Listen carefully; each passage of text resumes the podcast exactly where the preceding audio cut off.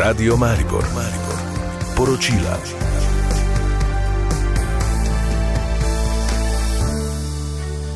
In pridružil se nam je Teodor Bostič. Dobro jutro. Dobro jutro.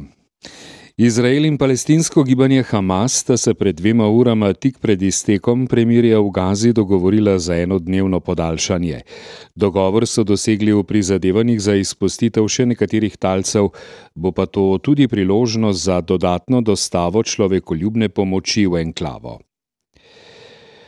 Upokojenci bodo danes prejeli višjo pokojnino kot prejšnji mesec. Novembra in decembra so namreč upravičeni do 1,8 odstotnega dodatka.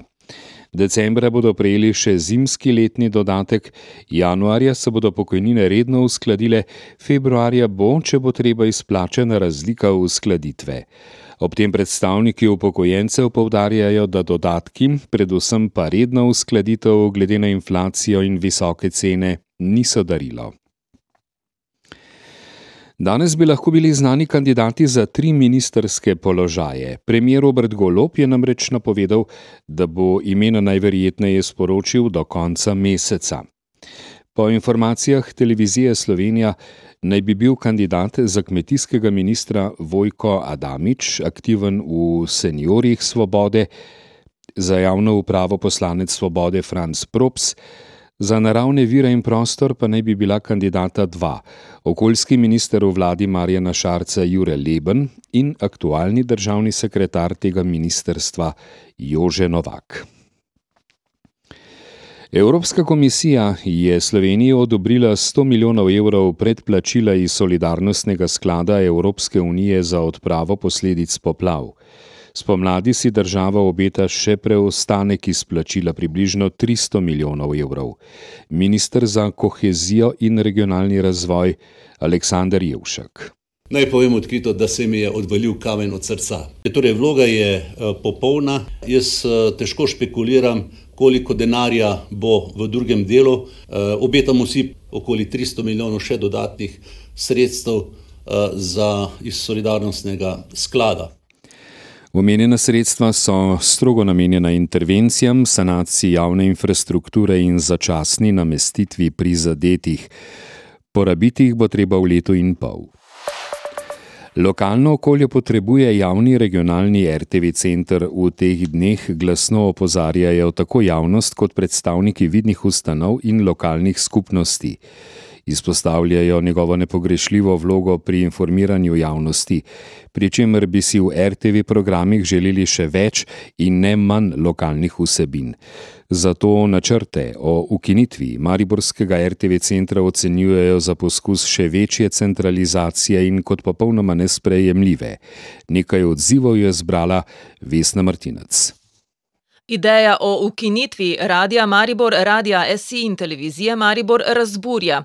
V mestu in regiji širša in strokovna javnost ter v številnih ustanovah podčrtujejo, to je nesprejemljivo. Mariborski župan Saša Arsenovič. Zelo veliko je bilo klicev, pisem iz strani občanov, iz strani univerze, zdravstva, ko so videli tisti sklep sveta zavoda iz dne dvaindvajsetega in razumem, da je poslovanje očitno finančno nevzdržno, so potrebni posebni viri strani proračuna. Podpiram racionalizacijo, vendar vsekakor ne za ceno osnovnega namena, ki je napisano tako v ustavi kot v zakonu kot v statutu. Večina dogodkov v regiji se brez mariborske RTV ne bi znašla v medijih. Slovenjebistriški in dupleški župan Ivan Žagar in Mitja Horvat. Regionalna pokritost in pa predvsem tisto, da so dejansko tudi nekomercialne vsebine, dnevnoinformativne in vse ostalo iz našega terena vendarle pokrite z radijem in pa televizijo Maribor.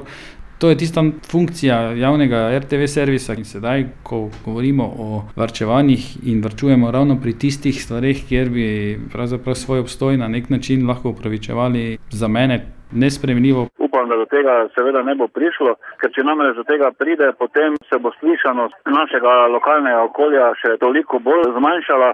Jaz se res sprašujem, če mislimo v Sloveniji, pa če tisti, ki so odgovorni, da mora res biti vse samo v centru, druge pa se naj življenje tako rekoč ustavi. Ne samo poročanje, javni medij, za katerega plačujemo vsi, je tudi garancija, da v poplavi lažnih novic javnost dobi neodvisno informacijo, dodaja župan Hoč Marko Soršak. Mislim, da tu en steber oziroma četrta, peta veja oblasti, ki vzdržuje, ki ohranja pravo novinarstvo. Regionalni center Maribor, po mojem, mora ostati uh, naj ščistijo pred svojim pragom. Da naj idejo ukinjanja opusti, je svet RTV-ja že pozvala vrsta kulturnih ustanov, športnih, socialnih in drugih organizacij ter občin iz severovzhodne Slovenije. Državna revizijska komisija je v drugo zavrnila zahtevek za revizijo, ki jo je v zvezi z načrtovano gradnjo novega centra za sluh in govor v Mariboru zahtevala drugo izbrana na natečaju za arhitekturno rešitev Stirja arhitektura. Po ugotovitvah revizijske komisije pritožnikom ni uspelo izkazati nobene od kršitev izbranega elaborata ateljeja Hočever iz Ljubljane.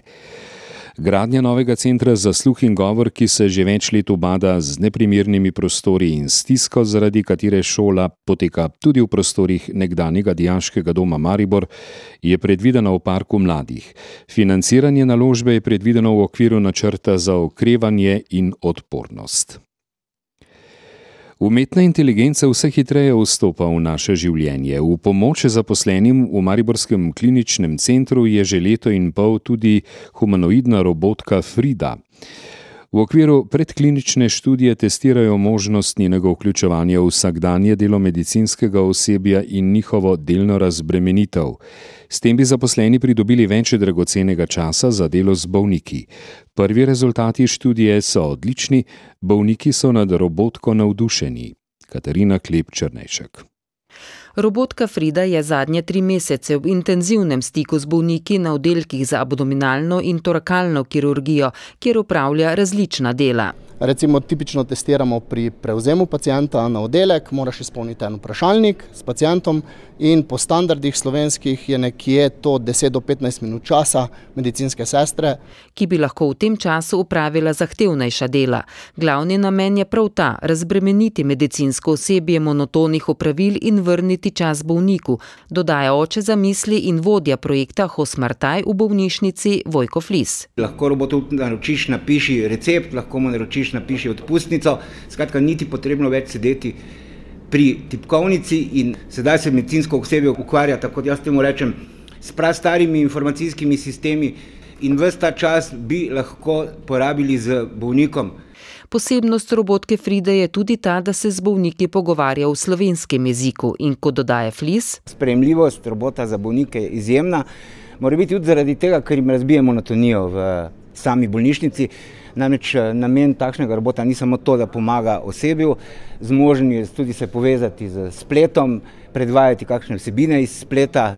Dveletni projekt uvajanja robotke Fride v zahtevno bolnišnično okolje se bo končal maja naslednje leto, a do takrat, ko bo lahko samostojno prevzela določena upravila, bo po napovedih vodje projekta Izidorja Mlakarja z Mariborske fakultete za računalništvo, ki projekt v sodelovanju z bolnišnico razvija, preteklo vsaj še nekaj let. Šport.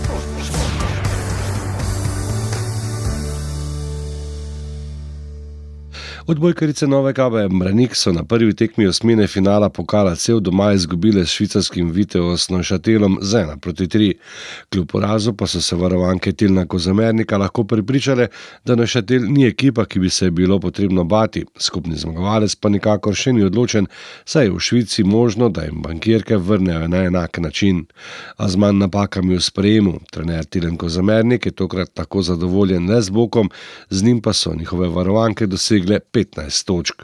Smo lahko zadovoljni s tekmo, čeprav eh, še z velikimi pomankljivostmi. Mogoče sem jaz uh, pogrešal, kljub temu, da se je mogoče videl, da dobro celiramo, mi znamo še bolj celirati in v bloku predvsem znamo bolj disciplinirano, bolj agresivni biti. Nekako nas medno zbegajo, rekel neke močnejše, više napadalke in takrat zadelamo stvari drugače, ker mislimo, da je treba začeti blokirati drugače, ampak stvar je zelo tehnična, zelo bolj moramo disciplinirano stati. Imamo tudi pomakljivosti, dogajajo se nam vse čas te nespretnosti, a na polju pa to. Pač tega znanja še ni, a na to se treba naučiti brati te situacije, bolj predvidevati in a, to je ena stvar, ki jo moramo definitivno še izboljšati. Tekma bi lahko šla tudi v drugo smer, če bi Mari Borčanke dobile prvi niz, a so zapravile zaključno žogo po napaki Zeramič. Enako velja tudi za drugi niz, v katerem so na začetku še prepričljivo vodile, na to pa pri 18 proti 19 dovolile šest zaporednih točk Švicark.